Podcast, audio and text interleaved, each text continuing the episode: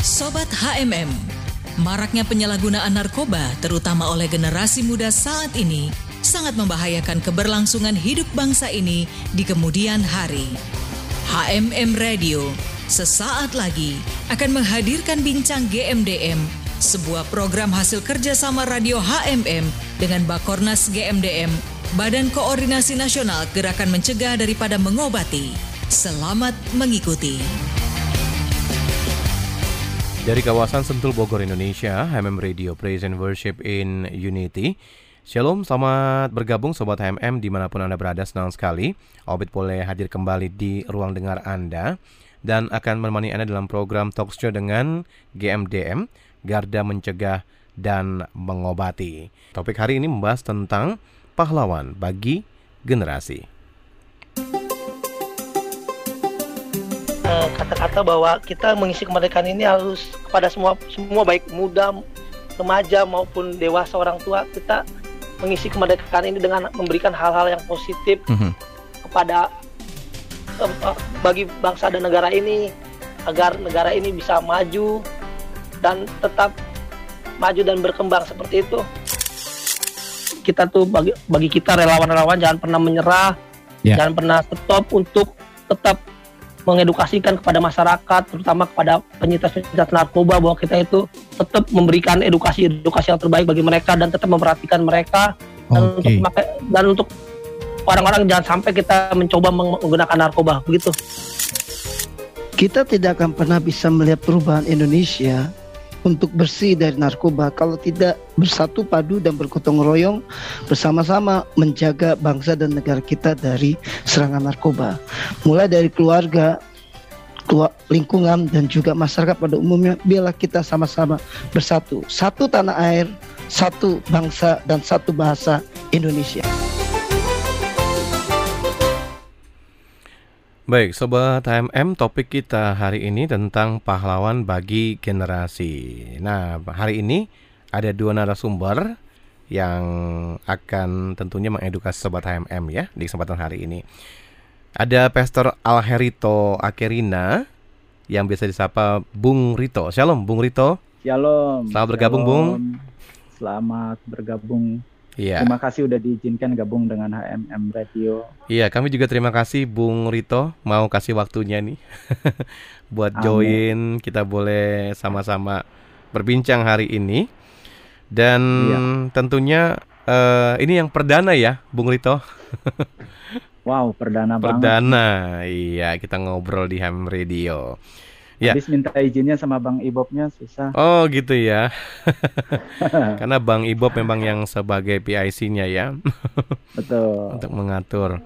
Nah, mungkin Bung eh, Rito bisa nih sedikit perkenalan nih ke sobat HMM tentang kegiatan Bung Rito baik eh, secara umum maupun juga di GMDM nih kira-kira apa sih kegiatan Bung Rito sendiri? Silakan Bung.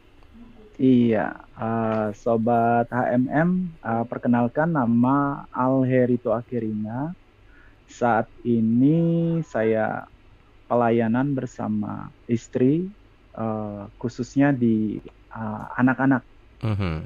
baik anak-anak jalanan, anak-anak ber eh, berkebutuhan khusus, khususnya di hiper sama autis. Hmm. Tapi kalau di gereja kita bergabung di tim penggembalaan Oh, begitu. di CK5 uh, rayon uh, CK5 ya, rayon Iya. 5 di uh, Bogor. CK5 Bogor ya. Oke. Saya istri satu, anak satu. Iya. Itu saja dulu, Bung. Iya, terima Oke. kasih Bung Rito. Paling tidak Sobat HMM ibaratnya tahu nih narasumber kita ini. Dan ini Bung, untuk di GMDM sendiri, eh, Bung sebagai apa nih kalau untuk Halo? di GMDM? Ya. Bisa dengar suara saya, Bung? Iya. Bung. Rito, Shalom. bisa Ya. dengar, Bung? Iya. Mohon maaf Bisa. mungkin agak terputus sedikit sebentar tadi ya. Nah, kalau untuk di GMDM sendiri bagaimana nih, Bung Rito? Apa eh, kegiatannya? Kalau di. GMD, uh, GMDM biasanya uh, terlibat ke dalam sih enggak, tapi beberapa kali mengikuti ibadah, pertemuan Mhm. gitu. Iya, sama iya. dulu sama almarhum Pak Jeffrey ya Iya.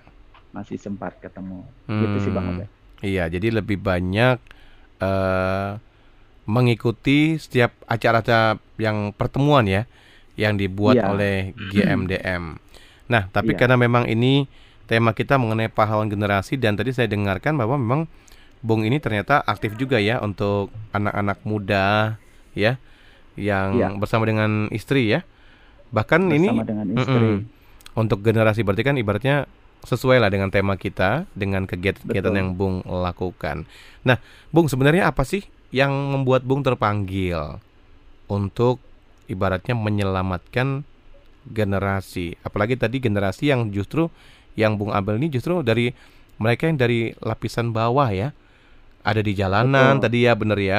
Kemudian juga mereka yang mungkin terpinggirkan walaupun kehidupan mereka layak tapi karena kekurangan mereka secara fisik akhirnya mereka seakan-akan dipinggirkan. Nah, kenapa Bung terpanggil untuk hal ini? Silakan, Bung.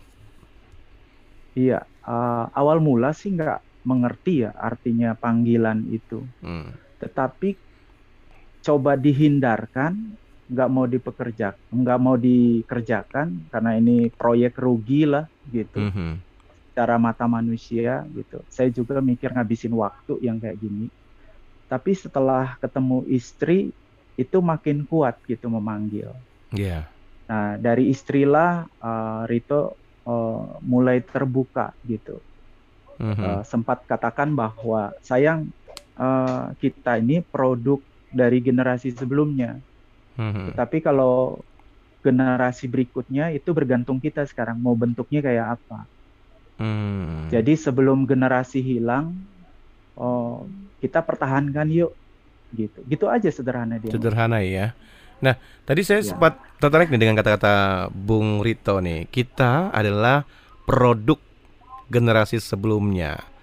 Sebenarnya generasi sebelumnya ini membentuk Bung Rito dan kita-kita ini sekarang yang ada ini seperti apa sebenarnya nih sampai akhirnya Bung Rito juga wah kita harus membentuk generasi yang di bawah kita ini harus seperti ya kalau Bung Rito sekarang kan pasti hal-hal yang lebih baik begitu. Emangnya ada hal yang tidak baik nih dari generasi sebelumnya yang Bung Rito alami? Gimana, Bung? Eh, jadi kayak gini, lama-lama saya mulai lihat eh, degradasi ya. Kalau saya, puji Tuhannya ada papa mama yang kasih contoh. Mhm. gitu. Tetapi ketika saya melihat sahabat saya, eh, keluarga, saya melihat eh, papa mamanya mereka ada uang, bekerja sibuk, memiliki kegiatan gitu. Tetapi ada hal yang sangat berbahaya yang saya lihat bahwa korbannya itu anak-anak gitu Mhm. tanpa pengertian mereka bertumbuh dan mereka dibentuk. Sebenarnya bukan mereka eh, apa kan sering kita dengar anak nakal, Iya. anak nggak bisa di di eh, Hmm. nggak bisa diatur. Itu ternyata pola orang tua. Mhm. Jadi kalau terus abis itu saya dengarkan eh, bahwa eh, Tokyo akan hilang generasinya itu sekitar 2030-an atau 2040-an itu Tokyo akan habis generasi gitu. Jepang dan eh, klub bunuh diri itu pertama kali didirikan di Jepang dan itu anak muda. 28% tiap tahun bunuh diri, 22 persennya tidak mau kawin, berarti uh, mereka akan tumbuh dengan generasi tua. Mereka maju secara pendidikan, maju secara teknologi, tetapi secara uh, secara apa ya kekuatan uh, mental mereka kuat, tetapi Mhm. mereka katakan ada yang hilang, ada yang kosong. Maka Hmm. titik itu yang buat bunuh diri di Jepang tinggi. Nah, di situ berangkat dari situ saya mulai, wah kalau gitu harus dimulai dari mana ya? Berarti Mhm. harus dimulai dari anak-anak. Dari Akhirnya anak-anak. kami putuskan, ya kami putuskan bersama istri, eh, bersama mama dulu saya sebenarnya. Oh. Kita pergi les, saya lihat mama les, mama terjun ke daerah-daerah miskin itu, Mhm. ke orang-orang yang nggak bisa baca, bagaimana supaya buat mereka bisa baca itu. Awal mula kita dengan cara membaca, karena Hmm. kalau baca bu- sejarah sekolah minggu itu diawali berdirinya oleh seorang wartawan Hmm. yang melihat di industri Inggris makin berkembang, tetapi anak-anak tidak mendapatkan pendidikan yang layak, maka dia lihat satu buku yang semuanya miliki yaitu Alkitab. Hmm. Maka dibentuklah Sunday School pertama kali oleh seorang wartawan, bukan oleh Hmm. pendeta. Jadi Dan lahirnya itu hmm. awal lahirnya Awal sekolah ya? minggu itu Oh, awal. iya iya. Nah, tergerak di situ kami mulai terjun juga di sekolah minggu akhirnya. Bagaimana uh, nyentuh anak-anak itu sebenarnya dengan membaca. Iya. Justru kami dapat jiwa itu banyak di situ. Dengan membaca ya, Bung ya. Iya, karena siapa yang menolak? Siapa yang mau nolak kalau anaknya jadi pinter? Nggak Mhm. ada. Iya. Waktu kami lakukan di daerah Kedar, di Palembang, di Bandung, di Bali, uh, kami dapatkan puluhan anak-anak, ratusan anak Mhm. Untuk membaca ya, paling tidak mereka dengan membaca. Mhm, dengan Iya. membaca. Nah, Bung, kenapa memilihnya anak jalanan dan juga tadi anak-anak yang dis disabilitas tadi ya? Kalau nggak salah Bung Iya, sempat sebutkan. iya. Kenapa anak-anak ini yang justru dipilih? Eh, sebenarnya bukan aku yang milih, tapi di dalamku yang milih. Kadang Hmm. protes juga sih aku. Sebenarnya nggak mau ke sana. Hmm. Sebenarnya nggak nyambung. Tetapi ada di dalam kuat. Itu yang aku katakan, saya sendiri katakan, saya makin ngerti panggilan itu artinya apa gitu. Itu sesuatu yang tidak bisa kita tolak gitu. Sebenarnya Hmm. itu panggilan. Jadi waktu melihat mereka itu langsung rasa belas kasihan, langsung timbul cara berbicara itu dimulai dari ini. Itu Hmm. timbul sendiri. Iya, iya. Jadi saya sendiri anggap bahwa ternyata melayani mereka itu bukan ide saya, bukan kemampuan saya, tapi di tengah-tengah jalan kami temukan anak hiper sembuh, anak autis sembuh. Ya, luar biasa ya. Iya. Jadi karena memang panggilan dari dalam diri ya, Panggilan. ada sesuatu lah dalam Ada diri sesuatu, untuk melakukan justru melayani anak jalanan, kemudian anak Betul. yang berkebutuhan khusus begitu ya. Betul, betul. Kadang pang, Hmm. kadang apa kita buat roti bakar Hmm. jam 11 malam, kita keluar cari kumpulan mereka, kita siapin kopi, kita ngobrol. Dan itu buat saya nangis. Itu ya. bahwa tidak mudah bilang bertobat yuk, tidak mudah Iya. mengatakan. Makanya baca firman, tidak mudah mengatakan. Makanya ikutin perintah orang tua, tidak Hmm, mudah. Nggak mudah. Ternyata mereka juga berjuang. Hmm. Nah, gimana Bung cara awal Bung masuk itu? Apakah lang- langsung datang sendiri atau memang ada eh, seseorang yang bawa atau memang mereka ada komunitas di mana akhirnya Bung Nah, bisa masuk ke situ? Gimana? Bung Obed, ini yang Rito katakan. Ada pelayanan yang idenya dari manusia. Mhm. Saya pingin, saya akan kerjakan, saya cari teman, saya cari pengetahuannya bagaimana mengelola. Nah, itu Hmm. manusia, hikmat manusia. Tetapi eh, yang tadi Rito katakan, ada sesuatu yang bergerak di dalam. Mhm. Tiba-tiba berdoa, tiba-tiba nanti Tuhan katakan sama istri, yuk bawa makanan, yuk siapkan roti, yuk siapkan ini kita jalan. Nah itu dia, kalau eh, Bung Obed, saya katakan bahwa ini eh, pelayanan saya, ini adalah doa-doa saya. Terlalu banyak sayanya, Bung. Hmm.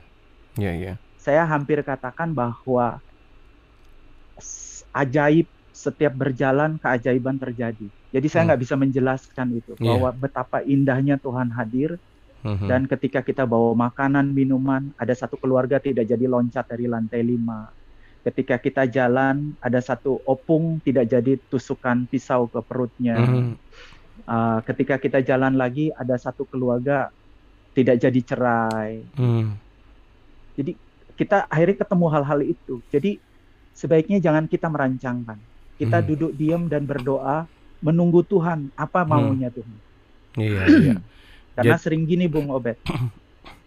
Kalau saya katakan seringnya terjadi pelayanan saya, tim saya ketika kami berdoa, ketika saya berdoa, ketika gereja saya berdoa.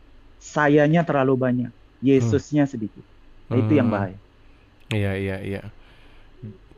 Jadi memang apa yang Bung lakukan ini ketika ada sesuatu yang Tuhan taruhkan begitu istilahnya begitu ya mungkin Bung ya. Langsung gerak. Hmm, langsung bergerak. langsung gerak. Hmm. dan kebanyakan tepat sasaran begitu ya Bung ya. Ah itu di luar dari Hmm, nalar, Bung. nalar, mm. Obet. Bagaimana kita datang itu ada lagi dua menit itu satu Hmm. keluarga putuskan untuk loncat dari lantai lima tidak Hmm. jadi. Iya iya. Ada lagi beberapa saat lagi menusukkan pisau tidak jadi. Itu di luar nalar, Bung. Di luar nalar, nalar tapi dipertemukan gitu kira-kira Bung ya. itu iya Mhm. betul. Kronosnya Tuhan itu, Iya iya. iya. kairosnya Tuhan. Harusnya Tuhan.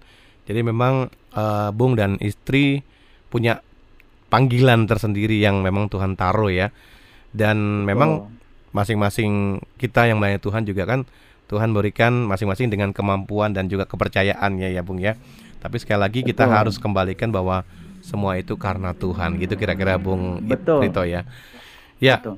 Bung Rito saat pertama kali misalnya berjumpa seperti ada yang Bung sampaikan, itu Hmm.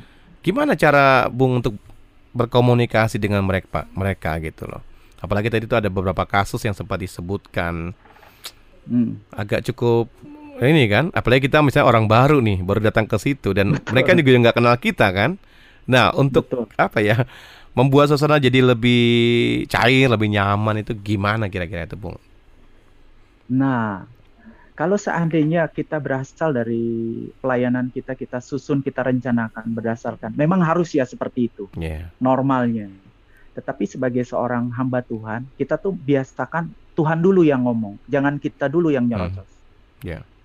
Nah, pada saat kita di dalam duduk diam dan tenang terletak kekuatanmu, itu Rito sama Ica itu istri sering kita temukan bahwa ketika Tuhan tentukan ke suatu arah, itu ternyata kita jangan engkau takut berkata-kata di hadapan anak manusia. Karena pada saat itu juga aku akan meletakkan rohku ke dalam mulutmu dan engkau akan berkata-kata Mhm. dan tidak ada satu orang pun membantah. Jadi pada saat kami masuk ke daerah Rampok, daerah yang sangat rawan di Palembang, kami satu masuk dengan enjoy karena Hmm. ada sesuatu sukacita di dalam. Iya. Jadi kami masuk dengan motor nggak takut rampok. Dua tahun setelah itu baru kami tahu itu jalur dirampok. Biasa Hmm. orang dibunuh, motornya diambil. Iya. Setelah itu baru kami ketakutan. Se- Sebelum tahu sukacita. Sudah Oh, tahu. belum tahu sukacita. Malam kita pulang jam 9, kita Hmm. lihat kenapa kita sendiri di jalan, kita Hmm. laluin aja dengan sukacita. Dengan gitu. Kita ubah daerah itu dari lima anak copet suka nyuri, Mhm. tiba-tiba datang 20, datang 30 sampai akhirnya datang 100 eh, anak lebih Hmm. di tempat les. Kita ketemu dengan orang Kedar, orang Kedar itu mau bunuh diri, eh, dia stres, anak-anaknya juga stres. Tiba-tiba dia dekati dari satu meter, apa dari 5 meter, 2 meter, akhirnya satu meter, akhirnya berbicara, kita Mhm. hibur, Iya. dan akhirnya dia menjadi kepanjangan tangan kita. Hmm. Nah, hal ini kita ceritakan gitu. Setiap minggu kita datang sambil uh, bawa makanan, sekedar bawa makanan. Iya, iya, iya. Kadang jatuh di jalan karena jalan masih berlumpur, Hmm. uh, kita tetap terobos. Uh, Nggak tahu, ada sesuatu sukacita, ada sesuatu Iya. besar yang kayak ngelindungin. Nggak tahu Mhm. mulut tuh bisa nyerocos. Iya. Kan biasanya pola penginjilan harus mulai dari ini. Kita nggak pakai pola-pola itu. Tiba-tiba Roh Kudus ngasih tuh Mm-mm. ngomong ini tepat, ngomong ini tepat. Suatu Iya. saat saya baru tahu kalau itu adalah dari lembaga dakwah Islam Indonesia. Mhm. Orang ini ternyata. Teman-teman yang ya, Iya. eh, teman-teman kita bangun eh, bersahabat dengan siapa saja Iya. dan itu ternyata ketika saya bilang assalamualaikum, tahu jawabannya Obed? Iya. Tiba-tiba mereka jawab shalom. Wah. Berarti udah paham juga ya sapaan. Iya. Dan juga paling tidak berarti kan mereka nggak tahu ya. Pas Bung datang ke situ Kami nggak pernah beritahu. nggak pernah bilang kan. kan Hmm. Pokoknya ajar baca. Wah, ini ini ini menarik nih. Ini menarik nih, Bung ya. Tapi sebelum kita lanjut, kita izinkan dulu nih, Bung. yang mau lewat berikut ini. Kita akan lanjut ya, Bung ya. Oke. Ya. Jangan diam dengan mereka yang menyebar narkoba, karena hal ini merusak cita-cita para pahlawan yang telah berjuang bagi keutuhan bangsa. Saya, Lady Ezra, sebagai mahasiswi Universitas Indonesia. Jangan kotori perjuangan para pahlawan dengan penyalahgunaan obat-obatan terlarang. Cintai negaramu, perangi narkoba.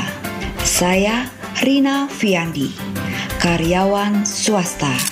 Pengorbanan para pahlawan jangan kita sia-siakan. Mari bersama teruskan perjuangan mereka dengan perangi narkoba.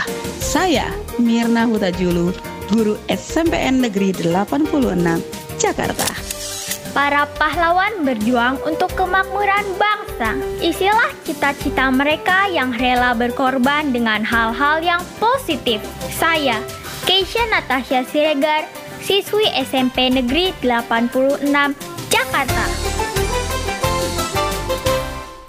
HMM Radio Praise and Worship in Unity. Terima kasih untuk Sobat HMM yang terus setia bersama kami dan selamat bergabung bagi Anda yang mungkin saja baru mendengarkan siaran kami di kesempatan hari ini. Topik kita masih membahas mengenai pahlawan bagi generasi. Dan pendengar kita saat ini Sobat HMM ada di berbagai wilayah baik dalam maupun luar negeri. Untuk yang di luar negeri ada di Belgium, Brussels, kemudian di Singapura, kemudian juga ada di Kingdom, England, London, Ya, Shalom ya. Kemudian juga ada Germany di Falkenstein, juga ada di Rusia Moskow. Hmm, iya, itu dia yang ada di luar negeri. Kemudian yang ada di dalam negeri di Indonesia ada di Tangerang, Banten, ya Banten Tangerang ya. Kemudian ada di Depok, juga Shalom Anda yang berada di kota Jakarta. Juga ada di wilayah Bogor. Kemudian ada di Padang, Jati Padang. Juga ada di mana nih? Yogyakarta. Ya shalom buat semuanya ya sobat HMM baik di dalam maupun luar negeri.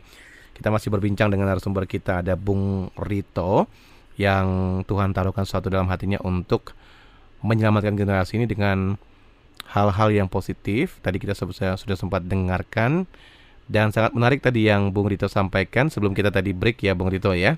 Hmm. datang ke satu komunitas dengan ketulusan membantu mereka dengan membaca gitu ya Bung ya Ya. Pada saat Bung Rito menyampaikan salam yang biasa mereka uh, sampaikan, tapi justru ucapkan, justru mereka membahas dengan salam yang biasa kita ucapkan. Nah, ya. ini yang menarik nih Bung Rito. Kita tidak perlu menyampaikan siapa kita, apa identitas kita, ya. tapi justru orang tersebut, the apa ya? Kalau ah. saya bilang secara tersendiri, dia peka akhirnya dia tahu dan mengetahui sendiri. Nah, rahasianya apa nih, Bung Rito? Silakan, Bung. Hmm uh, apa ya satu ketika jadi ternyata aku sadar bahwa aku melayani cinta itu datang bukan dari aku mm-hmm. tapi pertama dari Tuhan. Ya. Yeah.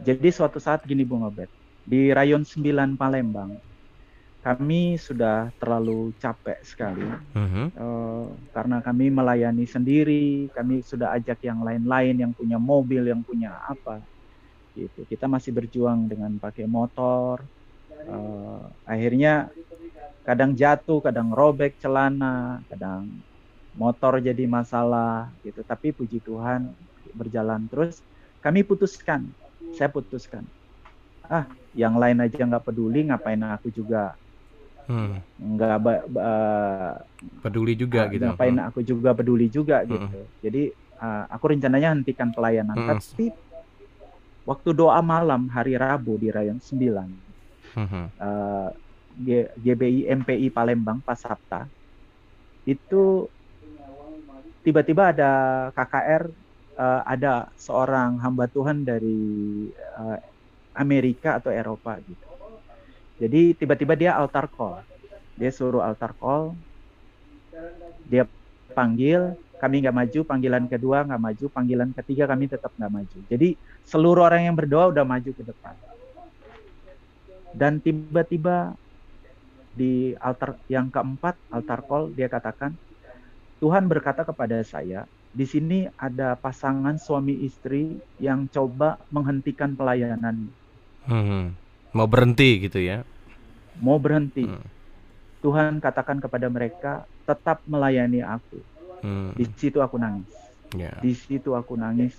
Baru di situ aku tahu bahwa sebenarnya bukan aku selama ini. Yeah. Sebenarnya hmm. itu Tuhan. Yeah. Dan ketika kami memulai berjalan, akhirnya Bang Obed Hmm. eh, satu cabang gereja bertambah jadinya. Mhm. Ketika dapat jiwa-jiwa dari sana, ketika anak-anak yang maling itu berteriak, aku bisa baca, aku udah bisa nulis, dan anak-anak yang kedar, yang awal mula eh, tidak naik kelas, hampir tidak naik kelas, tidak ini, tiba-tiba juara satu umum. Wah, bersyukur ya. Jadi ada buah yang sudah dihasilkan Ah. dari pelayanan Bung Rito. Tapi di sini kan Bung Rito memang membawa misi kemanusiaan ya, buat Iya, itu aja. apa saudara sebangsa setanah air gitu ya Bung Rito ya. Betul. Karena mereka juga Betul. perlu untuk mendapatkan pendidikan gitu ya Bung ya. Tadi saya sempat dengar Betul. juga ada mereka yang ya copet gitu ya Bung ya. Kemudian mereka juga Iya. ada yang ibaratnya kehidupan mereka itu justru jauh daripada hal-hal yang baik. Nah, Betul. gimana Bung cara Bung ini menarik mereka ya kan? Selain tadi kan ada membaca ini. Nah, bacaan Ya. apa seperti eh, yang diberikan ini Bung untuk mereka ini sampai mereka berubah Jadi- itu? Tuhan buat saya, Tuhan buat itu istri saya agak galak Oh. dan saya agak lembut. Hmm. Jadi anak-anak galak ini dibentuk dulu sama istri saya, Mhm. baru nanti istri saya kasih informasi anak yang agak ngelawan, anak A sama anak C. Hmm. Maka nanti setelah keluar anak A sama C itu pasti ketemuan sama saya. Mhm. Saya Iya, akan lembut, saya akan Hmm. karena kalau mau mengajar itu kan sebenarnya hati ya. Iya. bukan masalah anak-anak bodoh tapi hati. Ketika hati terluka itu pelajaran susah diterima. Mhm. Wah, ini menarik Jadi nih. saya gali dulu. Heeh. Jadi saya gali dulu. Kamu sayang nggak sama mama? Sayang. Kamu sayang nggak sama papa? Biar mati aja papa dimakan serigala. Sampai begitu ya? Nah, nah, akhirnya di situ kami mulai kerjasama. Ya. Anak itu akan mendapatkan perhatian khusus dari kami Mhm. sampai akhirnya berubah. Hmm. Sekarang mereka adalah guru sekolah minggu yang dulu anak yang suka nyuri. Mereka kalau nyuri itu mereka dihukumnya seperti ini. Mhm. Kalau mereka nyuri nyuri susu bendera Iya. sama nyuri mie di toko, maka ayahnya akan bolongin itu susu bendera, langsung dibuka mulutnya dan diminumin sampai habis susu bendera. Habis itu mie-nya dibuka, baru dimasukin ke dalam mulutnya dan mereka harus kunyah sampai habis. Itu yang lakukan siapa? Orang tuanya? Orang tuanya, Waduh. orang tuanya. Apa enggak membuat nanti mereka sakit atau gimana tuh? Pengennya sih bikin efek jerah kan, tapi kalau hukuman seperti itu apakah tidak terlalu berat gitu? Gimana, Bung? Iya. Kita kita yang normal begitu ya berpikir ya. Iya. Tetapi kan kehidupan mereka kehidupan yang abnormal. Hmm. Segala sesuatu yang mereka lakukan kalau secara akal sehat tidak normal. Hmm. Tetapi siapa yang mau turun dan lihat mereka? Iya. Siapa yang mau turun dan memperhatikan mereka? Pertemuan sebulan sekali tidak efektif. Ketemu cuma 45 menit. Kami akhirnya putuskan dalam tujuh hari kami akan bertemu lima hari Hmm. demi mereka. Iya, Dan iya. sekarang mereka menjadi guru sekolah minggu, mereka menjadi tamborin, bahkan Hmm. anak-anak kedar yang kita bantu, bahkan sempat anak itu mencuri dari dompet teman saya itu sekitar 2 juta 400. Hmm. Bagaimana kami buka sehingga dia jujur, dia kembali. Mhm. Bahkan s- pada saat Natal di panggung yang tamborin pada malam kudus itu seluruhnya anak kedar penari. Hmm. Iya, iya, iya. Jadi itu kan aku ndak Hmm. bisa menjelaskan Iya, iya. nggak bisa menjelaskan kenapa hati mereka tersentuh Iya. Jadi karena adanya ketulusan kita, akhirnya bisa mengubah mereka yang tadinya ibaratnya nakal ya, Bung ya. Mereka yang Iya. tadinya itu ya brutal mungkin akhirnya menjadi Betul. lembut dan ada perubahan. Ini paling tidak apa yang Bung Rito eh, lakukan bersama dengan istri itu membawa perubahan buat generasi ya, Bung. Karena mereka kan pasti usia-usia muda. Nah, usia-usia berapa saja nih, Bung? Yang biasa Bung ketemu nih dan dilayani. mulai dari usia satu tahun Hmm. sampai batas itu kita uh, bentuk itu sampai umur 15 tahun. Nah, itu yang Oh. batas umur yang Tuhan percaya. Iya. Jadi memang cukup Hmm. ini ya Bung ya. Butuh kerja keras dan fokus nih. Karena usia satu tahun kan tidak mudah untuk membina mereka gitu ya. Gini Bung Obed, Hmm. aku bilang aku kerja keras, Mhm. sebenarnya aku nggak rasakan. Hmm. Karena aku ngikutin alurnya Tuhan aja. Jadi kalau ada 30 anak, 30 cara. Kalau ada 300 anak, 300 cara. Hmm. Dari 5 anak, ini menjadi 320 anak Hmm. di Palembang. Iya iya. Jadi berbeda-beda polanya maksudnya ini ya Bung ya. Cara Beda-beda cara mendidiknya. Hmm. Beda, beda. Eh, kenapa saya nggak capek? Karena memang bukan saya yang ngerjakan. Oh. Roh Kudus kan saya Iya. cuma tinggal menyampaikan aja. Iya iya. Karena saya takut salah kata-kata. Mhm. Saya secara manusia jujur itu kan tempat serem. Iya. Bang Obed setelah empat tahun di sana saya baru sadar. Saya Hmm. ditunggu. Kalau satu kata aja saya bilang haleluya, maka kami dibunuh di situ. Oh. Gitu ya. Itu dia, Bang Obed. Hmm. Taruhannya di situ. Kami tahu setelah kami dijelaskan terakhir kali. Hmm. Justru semuanya taunya di terakhir gitu ya. Terakhir. ya, bahwa Hmm. jalur yang kami lewat itu jalur rampok. Nah. Setelah itu kami nggak pernah lagi lewat di jalur itu. Awal lewat sukacita gitu ya. Setelah itu nggak mau Oh, lewat lagi. sukacita. Karena belum tahu. Sukacita. Ada sesuatu yang ngebungkus. Iya, Jadi iya, segala berita negatif itu Benar benar. kami lewat itu. Mm-mm. Setelah Mm-mm. itu kami coba lagi lewat dengan gemetar. Iya. Justru Karena sudah gemetar. berbeda ya. sudah berbeda. Iya. Iya, tapi paling tidak Ya, su- sudah ada benih baik dan positif yang sudah ditabur di wilayah itu ya, Bung ya. Dan luar Betul, biasa ya. Justru anak-anak ini akhirnya mereka Ya. juga Mm-mm. gimana, Bung? Silakan. Dan hasilnya Bang Obed itulah dari 12 cabang di rayon 9. Anak-anak sekolah minggu kami adalah satu-satunya cabang yang anak yang nggak bisa baca bisa menghafal dengan tepat 20 Mhm. ayat. Oh. Anak-anak yang sudah bisa baca bisa menghafal dengan tepat 120 ayat. Mhm. Seluruh anak. Iya, Dan iya. guru sekolah minggu kami rata-rata tidak pernah melihat Alkitab lagi ketika menyebutkan ayat. Hmm.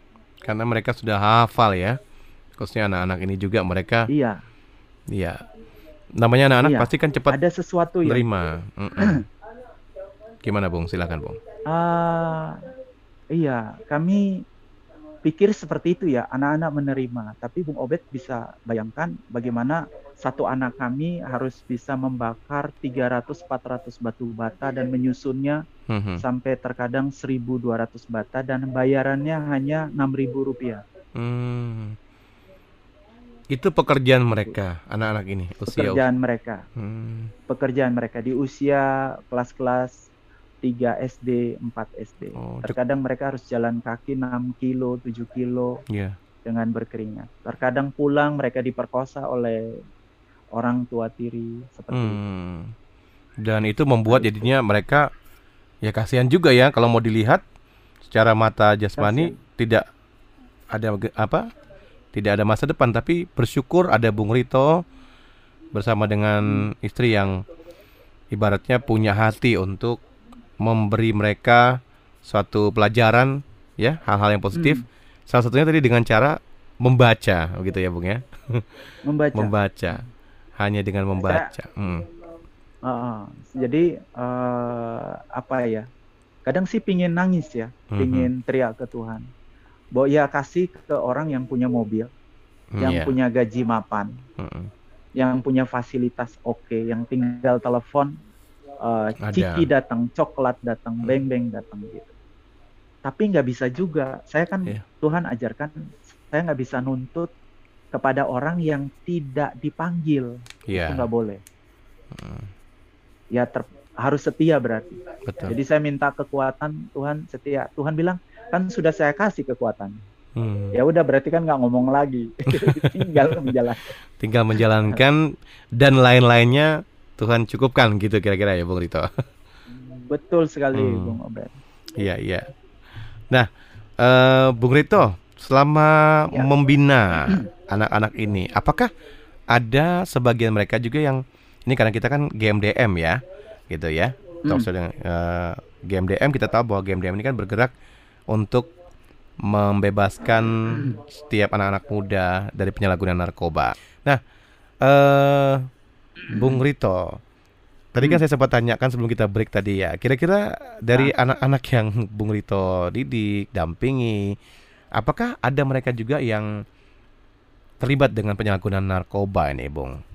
Ya, silakan, Bung. Ada, ada satu keluarga yang terlibat dengan eh, penyalahgunaan narkoba, tapi pada saat kami temui memang suami istri ini dilihat dari tangan ya, luka pada tangan kan, kita bisa lihat eh, mereka adalah pengguna, Eh, tetapi ketika mereka bertemu dengan Tuhan, mereka diubahkan. Tetapi ketika mereka mendapatkan contoh dari orang tua, suatu saat orang tuanya mengatakan bahwa tidak akan lagi membantu uang bulanan mereka Ya. uh, selama mereka jadi uh, mereka pengusaha properti dan tiba-tiba jatuh bangkrut. Mereka orang tua mengatakan tidak bisa lagi membantu. Tetapi sembari mengatakan tidak bisa membantu, itu ayahnya mem- lagi menurunkan Mio Alphard ke garasinya. Dan di situ hancurlah hati mereka. Dan mereka putuskan Mhm. untuk meloncat dari lantai 5 apartemen bersama dengan kedua anaknya. Wah. Istri pegang yang bayi, uh, yang suami pegang yang uh, empat tahun. Tapi Hmm. puji Tuhan, tiba-tiba istri saya merasakan bahwa kita harus bawa makanan. Hmm. Tiba-tiba tergerak aja gitu. Dan pada saat kami datang, saya ajak makan dan mereka katakan, "Kak, ini waktunya Tuhan ya. Tuhan masih sayang ya." Ya iyalah Hmm. masih sayang. Iya, iya. Dikatakan ulang lagi, Tuhan masih sayang. Iya. Tuhan masih sayang. Kenapa saya tanya? Tadi kalau kakak nggak ketok pintu, kami rencananya loncat. Hmm. Iya, jadi selama- memang tepat waktunya ya Bung Rito dan istri datang akhirnya hal yang tidak diinginkan itu bisa dibatalkan gitu ya Bung ya. Dan mereka pun Betul. eh, eh, mereka pun bisa diselamatkan dan akhirnya mendapat apa ya? pertemuan yang baik nih dengan Bung dan juga eh, istri dan paling tidak kan juga menyamakan generasi itu. Kayak ada an- anak-anak juga yang mau dibawa Hmm. bareng dengan mereka. Kalau misalnya bunuh diri Betul. bareng begitu kan repot juga ya Bung ya. Hmm. Tapi Bung Obed kan Hmm. saya sendiri males gitu karena kan Iya. Saya tidak dapat pesan Tuhan jalan Hmm. hari ini ke Tang eh, ke Tangerang. Iya. Saya kan nggak dapat pesan itu. Jadi ngapain ngabisin e- etol, Mhm. ngapain ngabisin bensin ke sana. Iya, iya. Hmm. Gitu ya. Tapi pada saat itu terjadi, saya ikutin karena istri dia kalau udah ngomong, kalau selesai berdoa dia ngomong, ah udah ikutin aja dah. Gitu. Hmm. Ternyata di situ saya nangis. Ada empat jiwa selamat, puji Tuhan. Puji Tuhan ya empat jiwa, sepasang suami istri dan dua anak Dua, dua Hmm. balita. balita. Dan akhirnya mereka pun sekarang, udah dilayani ya, Bung ya. Udah lebih baik ya. Hmm. Nah, Bung Rito, mungkin ada pesan nih buat uh, sobat HMM, para orang tua. Misalnya ada mereka memiliki anak mereka yang terlibat dengan penyalahgunaan narkoba, kemudian anak mereka juga yang ibaratnya putus sekolah. Kira-kira tindakan orang tua itu seperti apa sih? Apa yang harus orang tua lakukan? Iya, kira-kira begitu, Bung. Hmm, kalau seandainya hal, jadi yang Rito ceritakan itu eh, sobat-sobat HMM sebenarnya dasar-dasar hal-hal yang kecil, setia dalam perkara kecil. Kita lakukan bagian-bagian hal yang kecil. Itu sebenarnya hal-hal yang telah hilang dari keluarga, hubungan. Sebagai sahabat kita menjaga, melindungi, menaungi teman-teman kita, adik-adik kita yang kecil, Mhm. saling memperhatikan. Itu sudah hilang, Bung Obed. Iya, iya. ini hilang, ya narkoba gampang masuk. Hmm. Tapi kalau selama teladan ini tidak mereka lihat, apa sih yang hilang sekarang ini? Kelaparan apa paling terbesar? Ya. Kelaparan akan teladan. Hmm. Iya. iya. Teladan sebagai seorang ayah, teladan sebagai sahabat. Mhm. Sahabat telah pergi. Gitu. Eh, Mazmur 12, orang saleh telah hilang, orang setia telah pergi. Gitu. Kasih makin mendingin. Mhm. Nah, hal-hal ini terjadi. Iya. Seharusnya seharusnya Bang Obed di masa-masa Covid ini gereja harusnya jadi bintang. Iya. Anak-anak Tuhan jadi bintang. Mhm. Habiskan uang. Kenapa habiskan uang? Tahu kan dari dapatnya dari jemaat juga. Iya. Pelayanan kita. Mhm. Kita tidak akan pernah hilang. Tidak jerih, payahmu di dalam Tuhan tidak pernah sia-sia. Iya, iya. Justru gereja harus jadi bintang, jadi Mhm. contoh. Berikan terbaik semuanya kepada. Ada beberapa gereja kecil yang gembalanya habis-habisan saat ini. Mhm. Dia menjual apa pun demi jemaatnya. Saya tahu, saya yakin, saya yakin dan percaya gitu. Iya, iya. Orang-orang itu tidak akan pernah kehilangan berkat. Iya. Ada orang yang menghambur sedemikian rupa, tapi tidak pernah berkekurangan. Tetapi ada orang yang menghemat sedemikian rupa, tetapi selalu berkekurangan. Iya. Jadi apa pun yang kita lakukan, paling tidak intinya hal-hal Hmm. yang sesuai apa yang Tuhan mau gitu ya, Bung Rito ya.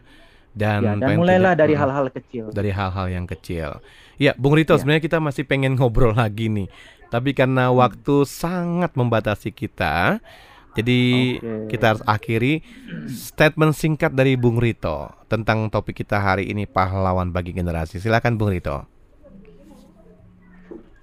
Ya, saya bacakan dari 1 Petrus 3 ayat yang ke-8. Mhm. Dan akhirnya hendaklah kamu semua seia sekata, seperasaan, mengasihi saudara-saudara, penyayang, dan eh, rendah hati. Mhm.